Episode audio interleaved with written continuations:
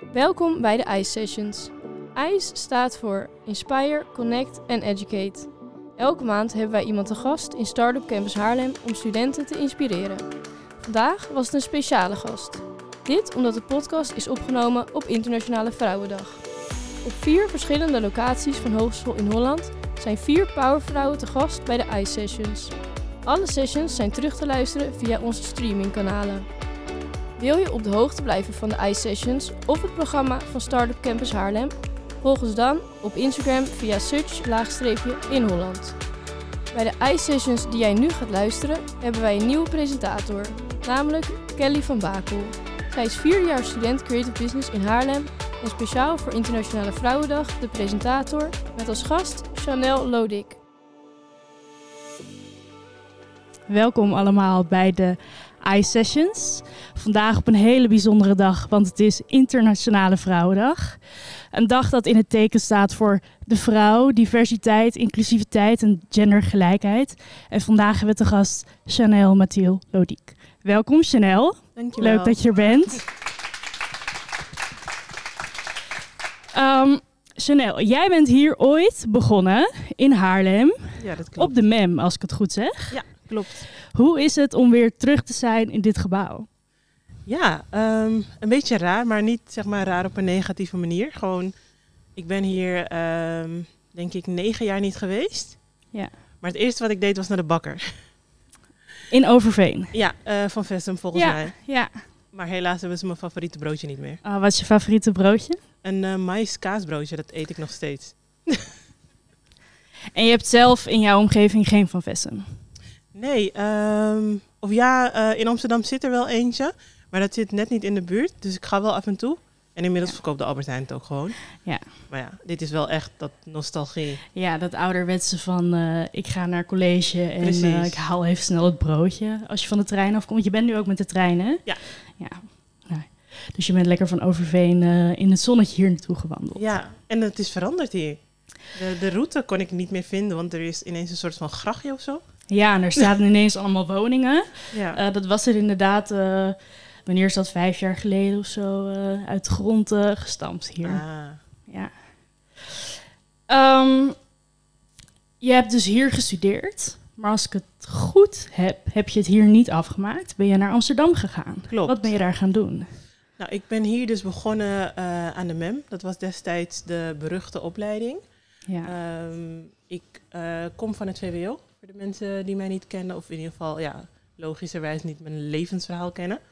Um, ik kom van het VWO. Ik ben in vijf uh, tweetalig VWO gestopt. Ik vond het welletjes. Ik werd 18 op een zaterdag en maandag schreef ik mezelf uit. Uh, vonden mijn ouders niet zo fijn. En vervolgens heb ik echt uh, jaren gewoon gewerkt, fulltime gewerkt bij Deltaloid destijds, ING, Visa, maar ook gewoon bij de New York Pizza. En um, ik denk dat het de tweede crisis was. De eerste crisis was in 2009 en de tweede volgens mij dan in 2011. Dat ik niet meer aan werk kwam. En toen dacht ik, ja, misschien moet je maar even terug naar school. Maar ik wilde wel heel bewust voor een opleiding kiezen. Uh, dat heb ik destijds nog niet echt heel erg bewust gedaan. Ik koos gewoon voor een opleiding waar ik zeker werd aangenomen. En ja, dat was een beruchte opleiding. Dus ik dacht, ja, ze zoeken in ieder geval naar leerlingen. Uh, maar tijdens die opleiding maakte ik kennis met het vak marketing. Nou ja, uh, mijn alias is marketingvrouw. Dus uh, je kan zeggen dat het een uh, love at first sight was. En toen had ik besloten van ja, maar ik wil eigenlijk meer doen met marketing. En dan specifiek marketing communicatie. Dus toen ik hier mijn P heb gehaald, ben ik overgestapt naar een andere opleiding bij in Holland. en dat is AD Crossmediale Communicatie. Dat is in, in Hollandiemen. Ja. En dat was ook heel bewust. Um, ik geloof heel erg in mijn eigen intelligentie. Ik geloof heel erg in mijn eigen kracht en wat ik kan. Maar ik ben ook wel, zeg maar, um, nuchter genoeg. Of ja, ja, een beetje wereldwijs. Ik snap wel hoe het werkt. En ik weet dat je een papiertje nodig hebt om uh, binnen te komen bij bedrijven. Ik zat absoluut niet te wachten om een scriptie te schrijven. Ik heb echt heel veel respect voor iedereen die dat nu doet of die dat nog moet doen. Maar dat wilde ik absoluut niet. Dus toen ik uh, AD Crossmediale Communicatie zag, opleiding, niveau klopte, je krijgt gewoon een diploma. Het klopte allemaal. Toen dacht ik, ja, dat gaan we doen. Twee jaar. Niet vier jaar. Ik had al twee jaar hier, uh, of een anderhalf jaar hier gespendeerd. Dus uh, ik ben doorgegaan naar AD Crossmediale Communicatie. Ik ben echt heel blij met die opleiding en uh, ik heb ontzettend veel geleerd. Ik was echt een overactieve leerling, student trouwens. En um, ja, daar heb ik nog meer geleerd over marketing en nog meer geleerd over communicatie. En omdat ik de opleiding zo bewust had gekozen, zat ik ook echt bij elke les vooraan alles echt in me op te nemen. En ik denk dat er een aantal mensen hier ook wel zijn die misschien uh, vanaf het VWO of vanaf uh, de HAVO of MBO eigenlijk zijn doorgestroomd. En wat je dan soms doet, is eigenlijk um, leren om je toets te halen. En dan ben je het alweer vergeten. Maar ik zat daar echt om die kennis zeg maar, in me op te nemen als een soort van spons die nooit meer iets verliest. Dus uh, ja, het was een. het was een goede opleiding en uh, ja, ik ben nog steeds heel erg blij met die keus. Ja, en uh, ik heb ook uh, jou horen zeggen dat je een fotografisch geheugen hebt. Helpt het je dan als je dat opneemt als een spons? Ja, um, ik ben autistisch. Ik kan heel goed onthouden. Uh, ik kan ook ja, heel makkelijk leren. Dat is een fijn cadeautje van autisme. Um, ja, dus dat helpt enorm tijdens je opleiding. Want ja, ik lees het een keertje door en ik weet het. Ja. Ja, ik wil het straks nog even hebben over hoe je erachter bent gekomen dat je dus het autisme hebt. Um, maar eerst wil ik het hebben over hoe je dus vanaf de hogeschool door bent gegaan naar marketingvrouw. Want daar ken ik jou van. Uh, je hebt ooit het kanaal van Madeleine van Zijkschrift overgenomen. Klopt. En toen ben ik jou gaan volgen um, als marketingvrouw. Dus ik vraag me af, hoe ben je dus vanaf de hogeschool naar marketingvrouw gaan? Ben je meteen gaan werken? Of um, heb je nog stappen genomen om daar dus echt te moeten komen? Ja, um, nou, ik um, was dus zo'n overijverige student. En ik was daarom ook uh, lid van de beroepsvereniging voor communicatie professionals, Logeion, als student zijnde. Ik ging denk ik maandelijks naar twee of drie meetings. Uh, je leert daar echt zoveel. Um, wat je zeg maar niet op school kan leren, omdat ja, hè, het marketing-communicatievak dat groeit zo snel. Bepaalde nieuwe dingen, uh, die, die, ja, die staan gewoon nog niet in de boeken. Dus ik ging naar uh, zulke bijeenkomsten en daardoor had ik eigenlijk toen ik afstudeerde al een heel groot netwerk uh, in de marketing-communicatiewereld. Dus uh, destijds was Twitter nog echt het ding. Um, ik studeerde af en ik postte letterlijk op Twitter: uh, Ik ben beschikbaar voor werk. En ik kreeg allemaal aanbiedingen van al die mensen die ik uh, toen was tegengekomen. Maar ik kreeg ook een aanbieding van in Holland: van ja, we vonden je zo'n fijne student, wil je niet PR komen doen? Dus ik studeerde af en ik ging werken bij In Holland. En dat deed ik twee dagen in de week. En uh, na een paar maanden benaderde mijn beste vriendin me, die ook Chanel heet. wij hebben samen op tweetalig VWO gezeten. Uh, zij, werkte, zij werkt nog steeds bij Proactive uh, in Haarlem. Dat is een IT-bedrijf. Zij verkopen uh, en maken software voor financiële stromen eigenlijk, financiële administratie, om dat goed ja, in je systemen te krijgen. En zij zochten iemand voor marketing communicatie. Dus toen ging ik met haar samenwerken. Nou, daar heb ik een, tijdje, een paar maanden gewerkt en ze waren zo blij met mij dat ze zeiden, ja, we willen eigenlijk dat je hier uh, vier dagen komt werken. En toen dacht ik, autistisch en letterlijk als ik dat ik dingen opvat, maar dan moet ik zes dagen werken in de week. Hm. Nou ja, ze wilden dus dat ik zou stoppen uh, bij In Holland. En dat vond ik best moeilijk, want uh, dat was ook een hele, of dat is ook een hele fijne werkgever. Ik was daar bezig met jongeren. Ik uh, ging naar HAVO-scholen, naar MBO-scholen. Ik organiseerde ook inloopdagen en de, de kennismakingsdagen. En ik hielp eigenlijk jongeren dus met de keuze die invloed zou hebben op de rest van hun leven. En dat was heel erg um, fulfilling. Ik weet even het Nederlands woord niet. Ik weet soms Nederlandse woorden gewoon niet meer. Sorry, ik doe niet interessant. Maar dat, ja, dat geeft je zo een um, ja, fulfilling gevoel. Volmaakt is misschien het goede. Ja, ik, soms voldoening. Een, ja, voldoening. Het geeft ontzettend veel voldoening. En als je dan ja, dat loslaat, ja, dat, dat heb je dan niet meer. Ik kon geen workshops meer geven. Dat deed ik ook namens in Holland. En dat vond ik best eh, jammer. Maar in Holland kon we geen zekerheid bieden. Hè, eh, vaste contracten, et cetera. En dat kon uh, Proactive wel. Dus toen heb ik de keuze gemaakt om bij Proactive in dienst te gaan. Toen heb ik nog wel uit mijn contract laten halen dat ik bijvoorbeeld niet voor mezelf mocht beginnen. En toen ben ik voor mezelf begonnen als marketingvrouw. Waarmee ik dus workshops gaf en waarmee ik trainingen gaf op het gebied van marketing, communicatie, social media, content marketing. Hoe schrijf je zakelijke blogs? Um, want dat deed ik destijds al op mijn website. Dus zo is Marketingvrouw ontstaan. En hoe lang is dat inmiddels geleden? Nou, het is vandaag 8 maart en gisteren kreeg ik een Snapchat-herinnering. Um, dat. Even denken. Oh nee, dat was een andere workshop. Maar um, het is dus een x aantal jaar geleden.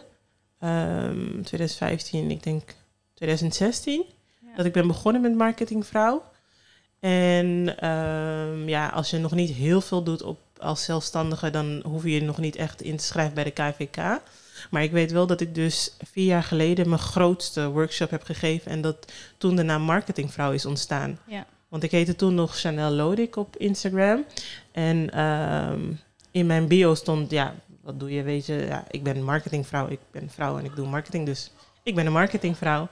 En toen reageerden uh, een paar van de cursisten van, ja, maar dat is toch een hele goede naam, zo noem ik jou ook. En toen dacht ik, oh ja. En toen heb ik alles gelijk opgekocht. Ja, mooi, mooi. Het is inderdaad dus, uh, ik ben onlangs mijn eigen bedrijf gestart. En naam verzinnen is dus heel moeilijk. En marketingvrouw is dan echt een hele mooie, passende naam. Um, en je bent nog een bedrijf gestart. Ja. Dat is meer kleur in de media. Klopt. Um, dat is ook in maart uh, vier jaar geleden begonnen. En even denken. Het was na het zoveelste bericht van het NRC, volgens mij, die uh, controleert elk jaar de diversiteit in de Nederlandse media. En zij gaven dus aan dat, uh, wonder boven wonder, wederom de diversiteit in de Nederlandse media ontbreekt. Of ontbrak destijds.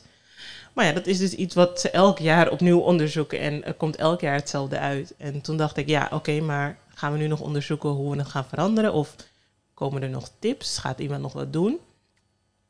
En ik las in uh, dat interview of in dat stuk um, dat er heel veel journalisten en redacteuren zijn die wel graag uh, diversiteit willen in hun artikels of in hun items, maar we kunnen ze niet vinden. En toen dacht ik, ja, oké, maar ik heb een netwerk vol met uh, diversiteit. Weet je, ik heb een heel divers netwerk. Dus als jullie ze niet kunnen vinden, maar ik heb ze in mijn netwerk, ja, dan kunnen we gewoon daarin samenwerken. Ja, ga je ze koppelen. Dus ja. uh, toen heb ik een Facebookpagina aangemaakt en de volgende dag zat ik bij Spraakmakers. Ja, zo snel gaat dat dus. Ja. ja. En zodoende, je doet het ook nog steeds. Ik ben minder bezig met die tak. Ja. Um, ik ben eigenlijk destijds heel bewust aan het uiteinde gaan zitten. Want er zijn echt zat mensen in Nederland en wereldwijd die uh, trainingen geven op het gebied van uh, onbewuste vooroordelen. En hey, hoe komt het eigenlijk hè? Uh, dat je steeds uitwijkt naar die ene persoon of dat je denkt dat die persoon net meer bekwaam is voor jouw interview of voor jouw stuk of als expert. Maar er zat niemand dus aan het uiteinde gewoon echt bij die journalisten van oké, okay, maar als jij een expert zoekt, dit is een expert. En um, dat heb ik dus uh, jaren gedaan. En toen kreeg ik toch steeds meer de vraag van, maar zou je bij ons kunnen meekijken op de redactie of zou je bij ons kunnen meekijken binnen ons bedrijf? Waarom zijn wij niet divers? Wat doen we verkeerd? En um, ik bekijk dat heel erg praktisch. Uh, dus ik geef trainingen en masterclasses waarbij we echt kijken naar het praktische gedeelte, waardoor mensen echt letterlijk tijdens de masterclass bij wijze van spreken kleine dingen kunnen aanpassen om meer diversiteit aan te trekken en inclusiever te worden als organisatie om die diversiteit ook echt te behouden. Ja. En zie je, dus je geeft die masterclasses, hou je dan die bedrijven ook in de gaten? Zie je dan dus dat het verbeterd? Ja, ik hou ze soms wel in de gaten. Uh, dat deed ik aan het begin. Maar inmiddels heb ik zoveel masterclasses ja. uh, en geef ik zoveel trainingen dat het voor mij niet meer bij te houden is. Wel hou ik in de gaten wie mij bijvoorbeeld opnieuw boekt. Kijk, ABN AMRO bijvoorbeeld is een van mijn vaste klanten die niet eenmalig zo'n uh, masterclass doen of zo'n training, maar echt door het jaar heen. En niet alleen op International Women's Day ja. of op de dag tegen racisme of hè, op uh, diversiteitsdag of weet, volgens mij heet het zo. Maar die echt, zeg maar, gedurende het jaar Ja. trainingen en masterclasses aanbieden aan ja, ook de nieuwe mensen, maar ook de, de mensen die het al eerder hebben gevolgd, maar toch even een opfriscursus nodig hebben. Ja. En dat is eigenlijk, denk ik, eh, wat heel goed is. Dat is een vlieg in me drinken. Oh no. Eh, kunnen we een nieuwe rosé regelen? Ja, dus, Donnie gaat het halen. Dan ga ik door naar mijn volgende vraag. Ehm, ik heb het boek dus bij me, maar ik heb hem dus niet hier bij me. Hij ligt aan de overkant. Maar je hebt echt een prachtig boek geschreven. dankjewel. Het Antiracisme Handboek. Ja. Ehm, je bent namelijk ook activist, mag ik Ja. je zo noemen? Zeker. En jij komt dus echt op ehm, voor de mensen die racisme ervaren. Ja. Hoe ben je ooit op de gedachte... Dank je. Dankjewel, Donnie. Hoe ben je ooit op de gedachte gekomen om het boek te gaan schrijven? Want ik weet dat je op je kanalen er heel open over bent. Uh, maar een boek schrijven is toch echt een volgende stap. Ja, klopt. Um, nou ja, op het moment zeg maar, ik heb heel bewust als zwarte vrouw uh, um, me eigenlijk niet uitgelaten over onderwerpen zoals diversiteit, antiracisme. Um, omdat ik bekend wilde staan als marketingvrouw. En het enige wat je mocht vinden als je mij googelde, was dingen die gerelateerd zijn aan marketing. En ik wist dat zodra je je één keer hebt uitgesproken, hè, als zwarte vrouw of vrouw van kleur of persoon van kleur, over dat onderwerp, dat men daarop blijft doorzagen. Ja. Dat men denkt, oh ja, want die uh, heeft wat te zeggen over diversiteit. In plaats van, hé, hey, dat is marketingvrouw. Wij moeten haar hebben voor marketing gerelateerde onderwerpen. Ja. Maar toen ik dus begon met meer kleur in de media, ja, toen was het hek van de dam. Dus ja. uh, toen ging ik los. En uh, ik was destijds nog best klein op uh, Instagram. Ik had 3100 volgers, mei 2020.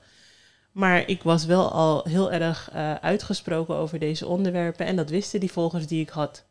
Dus toen, zeg maar, na de moord op George Floyd Nederland massaal racisme ontdekte. En dat het ook hier ook echt grootschalig plaatsvindt. Ja. En dat het veel meer omvat dan wat men aanvankelijk dacht. Kreeg ik heel veel DM's met de vraag: Hey Chanel, wat kan ik doen tegen racisme? Hey Chanel, ik heb deze discussie gevoerd met mijn vader. Uh, maar ik klapte dicht toen hij dit zei. Wat zou ik de volgende keer kunnen zeggen? En allemaal dat soort vragen. En dan Ja. zeg maar 50 per dag. Uh, terwijl ik Ja. moeder ben, ik heb een prachtige zoon van drie jaar. En ik heb een hele fijne partner. En ja, dan is het ook leuk als je tijd hebt voor hun. In plaats van dat je de hele dag bezig bent met Instagram. Dus ik dacht, ja, dit um, kan beter.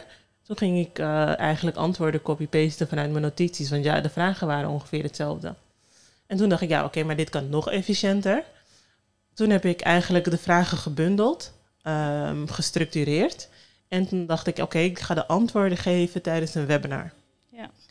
Uh, nou, dat ga ik niet gratis doen, want ja, uh, ik heb daar gewoon jaren voor geleerd. Ik heb daar hè, in mijn vrije tijd um, lees ik onderzoeken, lees ik rapporten, lees ik heel veel over diversiteit en inclusie. Het is mijn nieuwe special interest. En um, ja, hè, een leraar op school betaal je ook. Dus Ja, mij mag je daar ook voor betalen, maar het moest wel betaalbaar blijven. Want ja, antiracisme is niet alleen iets voor mensen die een hele grote portemonnee hebben of een hele dikke portemonnee hebben. Um, dus dat werd een uh, antiracisme webinar, um, 30 euro. En ik dacht, nou ja, met 50 aanmeldingen dan is waarschijnlijk mijn DM wat rustiger. Met 100 heb ik uh, financieel een fijne maand. En toen kreeg ik meer dan 1000 aanmeldingen. Ja. En uh, toen ging ik groeien. Want heel veel uh, BN'ers, heel veel influencers reposten het en zeiden van... hey, hier kan je op aanhaken als je meer wil leren over hoe je antiracistisch kan zijn. Dus toen groeide ik nogal rap. En vervolgens was er een dag uh, waarop in Nederland het initiatief Share the Mic Now werd uh, gelanceerd. Nou, Share the Mic Now is een Amerikaans initiatief waarbij eigenlijk witte vrouwen met een groot platform, dat platform voor een dagje afstaan aan zwarte vrouwen die niet hetzelfde bereik hebben of in ieder geval die niet uh, gehoord worden op dezelfde plekken. En dat was op mijn mamadag. En ik, ik was er helemaal niet bij betrokken. Ik kende de organisatie ook niet, maar het was wel iets natuurlijk wat ik een warm hart toedraag. Dus ik zei, hey, check, check it out. Uh, ik doe er niet aan mee, ik ga lekker het park in met mijn kindje, maar er zijn heel veel interessante mensen om te volgen. En toen werd ik gebeld door uh, Josephine uh, van Cosmopolitan, de hoofdredacteur. En toen zei ze, Chanel, Nina Pearson wil, je platform, wil haar platform aan je afstaan. En toen was mijn eerste reactie, maar wie is Nina Pearson? kende ik niet, ken ik inmiddels goed, is uh, de eigenaresse van Sla. Ik denk dat heel veel mensen Sla kennen. Dat uh, is een saladebar. Ze heeft heel veel filialen door Nederland. Zelf heeft ze ook een boek geschreven en ze heeft denk ik 60.000 Instagram-volgers. Ja. Nou, toen heb ik dus vanuit het park uh, liggend op een kleedje gewoon haar Instagram overgenomen. En ik zag de volgers ook weer bijtikken. Ja. En ik dacht, oké, nou dit is dus ook goed om meer bereik te creëren. Maar ik kreeg dus, uh, omdat ik dat had aangegeven van hé, hey, ik doe hier niet aan mee in de zin van ik heb geen partner, kreeg ik van onder andere Madeleine ja. uh, Sijkschrift, um, Make Science Work, dat is een EHBO-arts, en een aantal andere grote uh, influencers of mensen met een groot bereik, kreeg ik een bericht, ja. En ik dacht, nou weet je wat ik ga doen? Ik ga een week lang elke dag een ander platform overnemen. Dus ik heb op de maandag bijvoorbeeld uh, bij Make Science Work, bij de EHBO-arts, heb ik het gehad over antiracisme in de zorg. Uh, zo is bijvoorbeeld zo dat zwarte vrouwen drie keer meer kans hebben, ook in Nederland, om te komen te overlijden tijdens de bevalling of kort na de bevalling. Nou, daar zitten natuurlijk meerdere redenen achter, maar hè, uh, ras is een sociaal construct. Biologisch gezien zijn we niet anders. Maar er is in Nederland nooit eigenlijk onderzocht in hoeverre onbewust racisme daar een onderdeel van is. Wat natuurlijk heel kwalijk is. Maar ja, ik uh, ga te diep erop in. Um, toen ik die week verschillende platforms overnam om uh, gehoord te worden op plekken waar ik niet werd gehoord, uh, toen um, zag een redacteur van AW Bruna mij, mij voorbij komen. Ja. Nou, AW Bruna is een van, denk ik, Nederlands Kennen we allemaal wel, gerenommeerde uitgevers. En uh, zij hebben mij toen dus benaderd met de vraag van... hey, heb je ooit gedacht om een boek te schrijven? En uh, toen zijn we eigenlijk om tafel gaan zitten en uh, ja. toen is dit proces begonnen. Ja, en eigenlijk, ehm, zoals ik je boek gelezen heb... omschrijf je alles rondom racisme gewoon heel goed... zodat het voor iedereen begrijpelijk is. Ik heb er in ieder geval heel veel baat bij gehad... Um, maar ik wil je vragen om uit te leggen aan de groep hier wat antiracisme is. Ja, um, zeg maar, je hebt een, soort van spectrum. En je hebt mensen die ik persoonlijk dan de diehard racisten noem. Dat zijn de mensen die gewoon trots zijn op dat ze racist zijn. En je hebt heel veel mensen die zeggen: Ik ben niet racistisch. Als ik nu de vraag zou stellen: wie is racistisch? denk ik dat niemand hier zijn hand omhoog zou doen. Maar niet racistisch zijn en antiracistisch zijn is niet hetzelfde antiracistisch betekent dat jij heel actief aan het strijden bent tegen racisme. En dat je niet eigenlijk passief gewoon om de, de wereld om je heen ziet en denkt van hé, hey, ik ben niet racistisch, dus ik draag niet bij aan racisme. He, want als je stil bent en als je niet uitspreekt tegen racisme, dan draag je er op een manier toch aan bij. Als je dingen voorbij ziet komen en ja, je zegt er niets van. Dus antiracisme is echt dat je actief aan het strijden bent tegen racisme, ook in jezelf. Want er zijn heel veel mensen, hè, ik benoemde het net al, onbewust racisme. Het komt zo vaak voor. Ik maak ook soms een opmerking waarvan ik denk van dit is stereotyperend. Of soms zeg ik het niet, maar dan heb ik het wel in mijn hoofd. Maar op het moment dat je mensen daarop aanspreekt, krijg je heel vaak een defensieve reactie van ja, maar ik ben niet racistisch. Hmm. Nee, ik zei dat wat jij net zei racistisch was. Ik zei niet dat jij racistisch bent. Ja.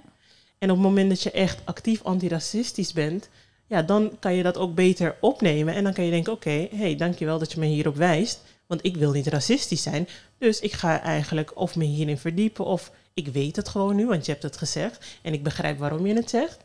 En ik zal het niet meer zeggen in de toekomst. Ja. Ja, ja bedankt voor je uitleg, jongens. Uh, jullie kunnen haar allemaal een tikkie uh, betalen via Instagram. Dit is gratis, uh, gratis masterclass. Ik zit hier um, betaald, dus dat hoeft ja, niet. Ja, dat wel. Um, ik ga even de overstap maken naar jou als influencer. Um, ik heb je horen zeggen dat je het moeilijk vindt om jezelf een influencer te noemen. Ja, vond. Uh, ik denk dat die post inmiddels uh, bijna een jaar oud is, of misschien uh, acht, zeven maanden oud is.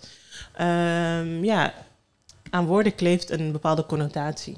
En bij influencer denken mensen een beetje aan een huppelend vrouwtje die voornamelijk gefocust is op fashion of beauty. En alhoewel ik de laatste tijd heel erg ben gefocust op beauty, um, ja, ben ik toch een ander type influencer. Ja. Maar ja, als mensen vragen wat doe jij en je zegt influencer, dan denken ze oh. Ja. Ik was bij de tandarts en die vroeg wat ik dan deed. En toen ja, Ja, ik ben... Ik geef trainingen en masterclasses. Ja. En ik ben influencer. Ja. het was niet iets wat ik hè, uit volle borst zei. Ja. Maar inmiddels ehm, ja, zeg ik dat gewoon vol trots. Want het, er gaat nog meer werk in zitten in influencer zijn... dan in eh, de masterclasses en trainingen die ik geef. Ja. ja. En eh, als influencer eh, heb je altijd een bepaalde rol. Hoe zie jij jouw rol als influencer? Nou, op mijn mediakit staat ethisch influencer. Ja, dat klopt. Dus ja, ik ben wel echt. ehm, ja, ik ben gewoon als persoon heel bewust van mijn omgeving. Ehm, ik hou gewoon heel veel rekening met andere mensen, zoveel als ik kan. Ik sta open om gecorrigeerd te worden. Ehm, ik ben wel moeilijk om te overtuigen, maar ik sta open om eh, gecorrigeerd te worden. En ehm, ja, ik vind gewoon. De vlieg gaat mijn drankje niet vlieg. Nee, maar ja, ik, ik vind ethisch handelen gewoon heel belangrijk. En eh, dat doe ik, eh, ja, ik doe daar heel erg mijn best in. Ja, ja.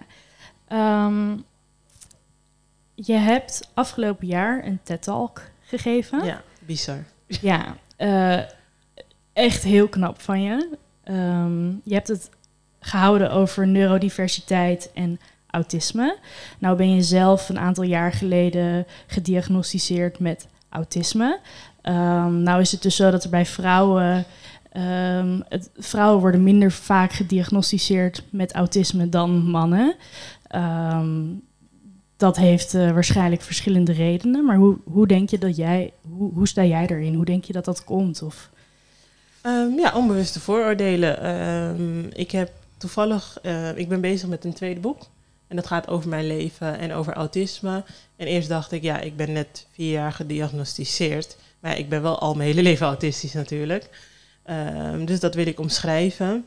En ik wilde ook een beetje kijken binnen mijn cultuur, binnen de zwarte cultuur, binnen bepaalde groepen, wat gewoon het beeld is van autisme. Eh, dus ik stelde in een eh, groep met 12.000 vrouwen de vraag van, hey, wat weet je over autisme? Ik heb geen oordeel over je antwoord, ik wil gewoon weten wat je weet. En ik kreeg eh, een aantal reacties van mensen die gewoon uit zichzelf vertelden. En heel veel van eh, vrouwen die zeiden, ik heb een zoon met autisme. ja, En er was niemand die zei, ik heb een dochter met autisme. Ja. En ehm, ik vond het ook heel grappig dat zeg maar, ehm, enerzijds logisch, maar anderzijds ook wel grappig dat niemand eraan had gedacht dat ik die vraag stelde omdat ik zelf autistisch ben. Ja. Maar er is dus zo'n beeld. Hè? eh, ik heb het pas gehad over Hans Asperger. Dat was een eh, arts, een van de pioniers denk ik in Nederland op het gebied van autisme. En hij omschreef autisme als een, een jongenseigenschap, karaktereigenschap. Dus meisjes die hadden dat niet, die waren gewoon ja gek. ja, En eh, ja, we lachen, maar dat is gewoon denk ik letterlijk wat hij zei. ja. Ze werden naar een eh, kliniek gestuurd waar op hen werd geëxperimenteerd. Ehm, ze werden omschreven als een behoorlijke last voor de ouders. En de ouders die vonden het ook maar prima dat ze weg werden gestuurd.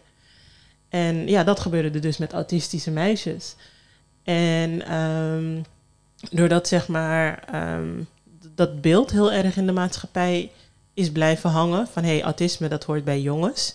En omdat meisjes eh, heel erg worden aangestuurd eh, vanuit opvoeding om sociaal wenselijk gedrag te vertonen. Hè? ja, Ga gezellig spelen met die meiden. ja. Ik wil niet spelen met andere mensen. Ehm, maar, maar je wordt daar letterlijk heen geduwd. Ga, ga maar even spelen met die Ja. meiden. Dus je leert heel goed om sociaal wenselijk gedrag te vertonen. Ehm, en bij jongens is dat niet zo. Ja. Eh, als ik dan kijk binnen mijn gezin, mijn broer is ook autistisch. Eh, die heeft, daarvan werd dus verteld toen hij twee was. ja. En eh, hij heeft een prachtig leven. Hij is econoom. Hij werkt en woont nu in Portugal. Ehm, hij leest nog steeds de Donald Duck. Vindt niemand vreemd binnen de familie, want ja, dat is gewoon wie hij is. ja. En hij wordt heel erg geaccepteerd als hoe hij was, is. Maar ik heb de diagnose nu vier jaar geleden gehad. En het eerste wat mijn zus zei, hè, goed bedoeld, je bent gewoon moe. ja. Inmiddels is mijn zus, weet je, een van mijn grootste supporters hierin. En houdt ze echt ontzettend veel rekening met wat ik kan. En zegt ze ook eh, bij alles van, ja, ik denk nu bij alles wat je doet, als het mij zeg maar in de eerste instantie misschien niet bevalt van, hé, hey, dit is autisme. Hoe Ja. kan ik hiermee omgaan? In plaats van dat ze boos wordt omdat mijn reactie te bot was of ja. te direct was. Ehm,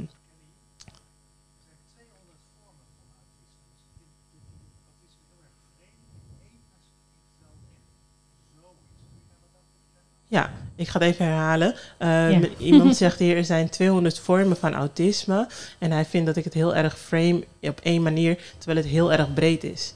Uh, vind ik het heel belangrijk dat ik het heb over mijn situatie. Ik heb het over mezelf en mijn broer.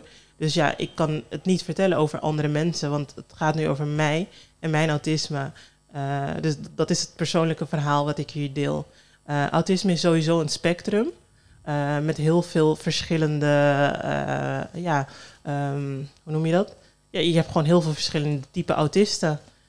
de ene heeft van het een heel veel last of minder last. De andere heeft van, ik heb bijvoorbeeld heel veel last van geluid. Daar dat ik net aangaf over de ruis van, hey, ja, stoort het je? Ja, ik ga er niet dood van, maar het is voor mij wel heel erg storend.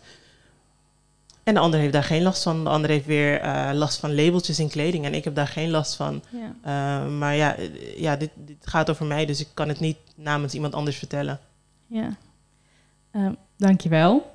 Um, ik wil meteen uh, van de gelegenheid gebruik maken om wat vragen uit het publiek deze kant op te laten komen. Dus als je een vraag hebt, stel hem. Dan komt Jorien even langs met de microfoon. Achter je. Ik vind het sowieso heel vet tot nu toe. Ik vind het heel, dat wil ik eerst even gezegd hebben. En uh, um, ik vraag me ook af, uh, zet je ook je autisme in tijdens je werk? Zeg maar zoals je uh, diversiteit, oh, doet hij het wel? Oh ja, zoals je diversiteit super vet inzet. gebruik je autisme, zet je dat ook in als iets positiefs? Um, ja, ik doe even herhalen voor de zekerheid. Ik weet niet of iedereen het heeft gehoord. Maar de vraag is dus of ik mijn autisme inzet voor mijn werk en of ik het positief inzet. Ja, kijk, autisme is onderdeel van wie ik ben. Dus ik kan het niet uitzetten of niet gebruiken. Uh, ik bekijk de wereld zoals ik de wereld bekijk doordat ik autistisch ben. Dus ik denk dat uh, dat me op heel veel vlakken kan helpen. En op sommige vlakken helpt het me weer niet. Um, maar ja, ik denk sowieso wel dat bijvoorbeeld um, de analytische blik die ik heb uh, me heel erg helpt. En dat komt zeker wel door autisme. Dus ik denk, ja, uh, ik, ja, ik gebruik het, want het is een onderdeel van wie ik ben. Het gaat niet heel lekker met de mics. We hebben nu uh, denk ik bijna geen geluid meer. Ja, zijn we nog verstaanbaar? Ja, oké. Okay. verder nog vragen van iemand? Het mag ook ergens anders over gaan natuurlijk. Influencers zijn, Hoe kwam de diagnose tot stand? Of hoe merkte je van, hey, misschien heb ik iets van het autistisch spectrum? Ja, um, hoe mijn diagnose tot stand kwam. Ik uh, heb een nicht waarmee ik heel close ben. En we, uh, ja, we deden heel vaak, waren bijna elke dag samen. En ik kreeg dus steeds meer last van geluid. Uh, waardoor we een keertje in de tram zaten. En ze had het al een paar keer gezegd als ik het had over dingen thuis. Met volgordes, et. Ook dingen op volgorde wil hebben. Maar we zaten dus toen in de tram. En um, er was heel veel geluid. Mensen waren eigenlijk gewoon normaal met elkaar aan het converseren. Ja. Maar dat is voor mij heel veel geluid. En toen zei ik in een, uh, ja, op een moment, zonder dat ik het door had, sst, tegen vreemde mensen in de tram. En toen zei ze, ja oké, okay, maar je bent echt autistisch en je moet het echt gaan laten testen. En toen dacht ik, ja, misschien ben ik wel autistisch. Ik wist niet zo goed wat het was. En uh, toen heb ik ja, zelf een beetje gelezen over wat was. En toen dacht ik, oh, ja, oké, dit heb ik waarschijnlijk wel, ben ik waarschijnlijk wel. Um, en toen uh, ben ik gewoon naar de huisarts gestapt en ik heb verteld wat er aan de hand was en dat ik het diagnosetraject in wilde. Um, destijds ging dat gelukkig uh, heel snel. En uh, toen heb ik uh, bij GGZ in Geest heb ik eigenlijk het volledige traject doorlopen. Je familie, je vrienden, uh, de mensen die je al je hele leven kennen, die worden daarbij betrokken. Um, en dan uiteindelijk als je zeg maar eigenlijk op de DSM-5 op alles scoort, dan krijg je de diagnose. Dus toen kreeg ik mijn stempel. Zie je het ook als stempel? Ja, maar ik heb geen. Uh, ik zie het woord stempel als neutraal. Ik heb daar ja. geen uh, negatieve bijsmaak aan. Ja. Ik vind Mooi. het, ik ben blij met mijn stempel, zeg maar. Ja, nou ja, ik, ik kan me ook voorstellen dat het dan uh, heel veel duidelijkheid geeft voor hoe, hoe jij, wie jij bent. Ja, want dat was het. tot die periode dacht ik dus dat ik raar was gewoon. Ik ja. voelde mezelf heel raar. Ik dacht dat iedereen eigenlijk bepaalde dingen ook had. nee, ik ben dus heel direct. En ik heb heel veel moeite met om dingen heen draaien. Echt zeg maar met de jaren meer. Maar ja, ik dacht dat iedereen daar heel veel moeite mee had. Maar ja, het blijkt niet zo te zijn. Nee, nee. Ehm, heeft verder nog iemand vragen? Ik denk het niet, hè? Of Ik zie een voorzichtig handje. heel... Ja. Nou ja, waar ik nieuwsgierig naar ben is van je zei op een gegeven moment van nou ik had eerst wel moeite om me als influencer eh, te, te noemen. En dat heb ik nu minder. Dus wat, wat is er veranderd waardoor je nu jezelf ehm, durft neer te zetten als influencer? Ja, ehm, ik, ik blijf het gewoon herhalen Ja, voor de zekerheid. Eh, de vraag is dus, ja, je had eerst moeite met jezelf influencer noemen en je gaf aan dat je daar nu geen moeite mee hebt. Wat is veranderd?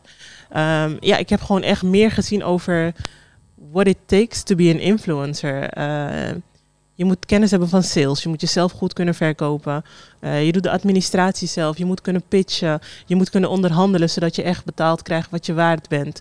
Eh, je moet marktonderzoek kunnen doen om ervoor te zorgen dat de dingen die je doet ook blijven aanslaan. Dat je, dat je de juiste partners aantrekt.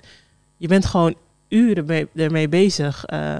Over de caption van een post kan ik soms een uur tot twee uur doen. Mijn foto's zijn crappy kwaliteit, sorry. Vinden mijn volgers gelukkig niet erg. Mhm. Maar mijn caption en de, st- de bijpassende stories die ik deel, ja, daar gaat gewoon enorm veel tijd in zitten.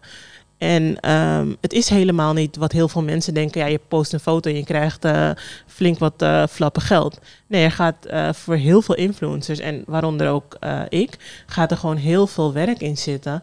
En ja, ik ben gewoon trots dat ik al dat werk erin steek.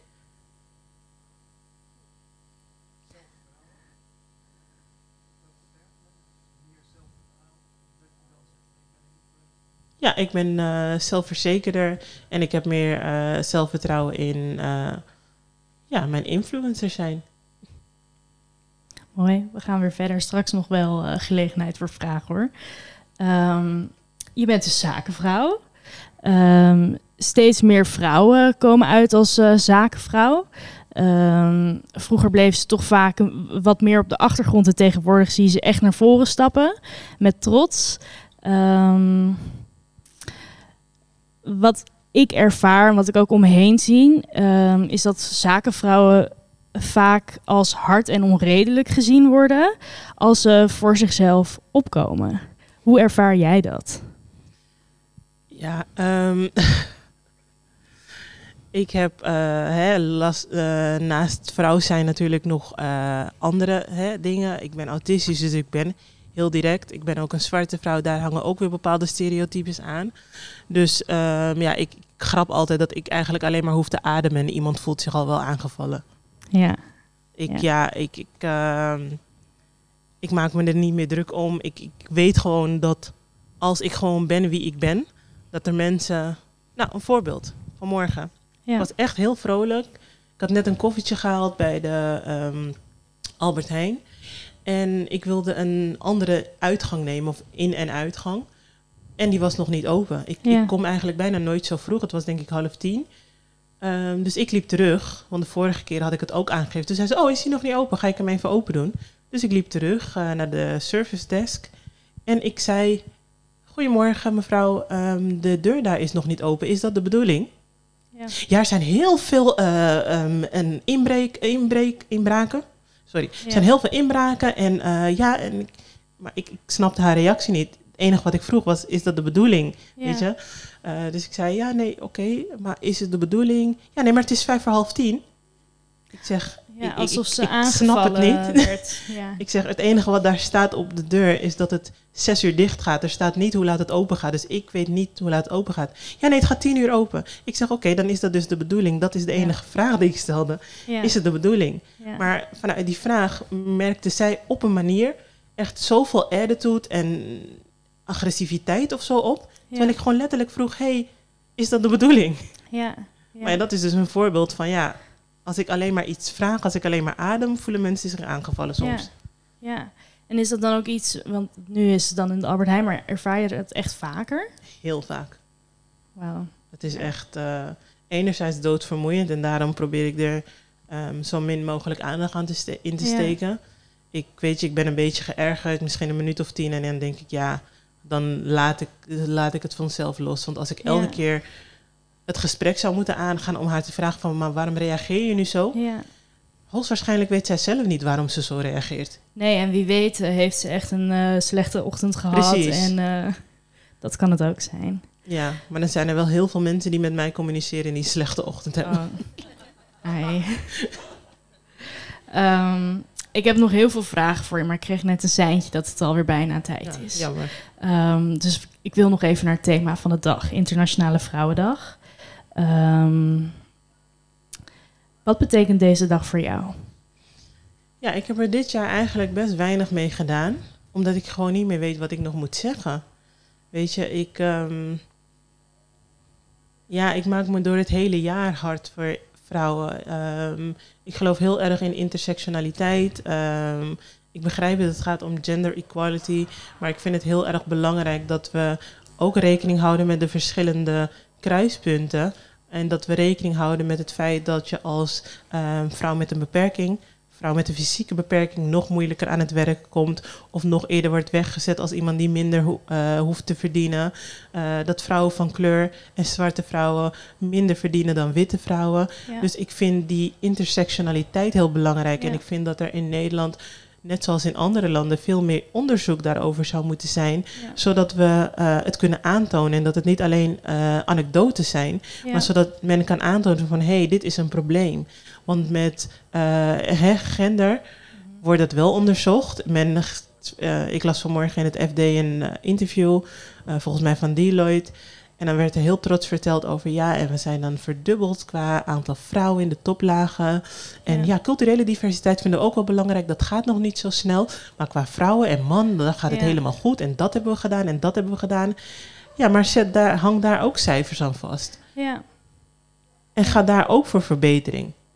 En kijk ook naar de andere kruispunten. Kijk naar eh, beperking, kijk naar religie, kijk naar eh, seksuele voorkeur of seksuele geaardheid of seksuele oriëntatie. Ik zoek even het perfecte woord. Weet je, hou gewoon rekening met de verschillen tussen vrouwen ook. ja. En vooral als vrouw zijnde, hou rekening met je medevrouwen die het misschien nog moeilijker hebben dan jij. Ja, mooi gezegd. Ehm, op Internationale Vrouwendag, veel van ons hebben waarschijnlijk een voorbeeld. Ehm, wie is jouw eh, powervrouw? Ik heb ehm, onlangs de film King Richard gezien. Die gaat over eh, de vader van Serena en Venus Williams. En ik weet niet of het Serena was of Ve- Venus. Ik denk Serena. Die antwoordde op deze vraag met... Ik wil graag dat mensen naar mij opkijken. En Ja. ik hou die erin. Mooi, mooi. Ehm, dan heb ik één laatste vraag. Ehm, wat is jouw grootste doel nu, op dit moment? Rust en geluk. Ja, mooi. Ik wil gewoon een eh relaxed leven leiden. Ja, That's it. ja en de- mijn volgende vraag was dan, wanneer heb je je doel bereikt? Maar dat weten we dan. Ja, wanneer ik denk wel, wanneer ik de balans heb gevonden. Ehm, dit jaar ben ik dus minder gefocust op trainingen en masterclasses, die ik leuk vind om te geven. Eh, maar ik maak dit jaar meer gebruik van mijn influencer zijn om eh, uitjes met mijn gezin te combineren. Dus dan is het werk en eh, privé. Dan gaan wij gewoon leuk een weekendje weg, maar dan ben ik eigenlijk ook aan het werk. Ja. En dat, dat vind ik wel fijn. Ja, en wil jij de vrouwen en studenten, want er zitten ook mannelijke studenten tussen, hier in de zaal nog wat meegeven of die thuis luisteren? Nou, ik denk dat ik het al heb gezegd. Sowieso, eh, mannen, weet je, spreek je uit over onderwerpen waarvan je misschien denkt dat het vrouwenonderwerpen zijn. Maar waar het juist heel belangrijk is dat jij een bondgenoot bent. Eh, dus spreek die vriend aan op eh, een seksistische grap. Of een seksistische opmerking. Ik wil het niet eens een grap noemen. Het is gewoon een seksistische opmerking. Het is niet grappig. Het ondersteunt de onderdrukking van vrouwen. En ehm, die vriend kan het hoogstwaarschijnlijk beter van jou hebben dan van een, de enige vrouw bijvoorbeeld in de groep. Ehm, en ja, wat ik net aangaf, eh, vrouwen wees loyaal naar de andere vrouwen. Bedenk hey, dat jij misschien soms ook wel in een geprivilegeerde positie zit. En kijk hoe je dat privilege kan gebruiken om eh, ja, hè, je sterk te maken of je hard te maken voor de case van een andere vrouw. That's Ja. it. Mooi gezegd. Ehm, Chanel, ontzettend bedankt. Graag Voor mij eh, ben je echt een powervrouw. Ik volg je met heel veel plezier. Ehm, de iSessions is terug te luisteren op Spotify, op het Switch-kanaal. Ehm, we hebben vandaag nog meer powervrouwen geïnterviewd op alle andere locaties. Die kan je ook echt terugluisteren, dus doe dat vooral. En dan wil je op de hoogte blijven van ons, van Search. Dan kan je ons volgen bij eh Search underscore in Holland. En dan hopen wij jullie allemaal weer terug te zien eh, bij de volgende iSessions. En een groot applaus voor Chanel.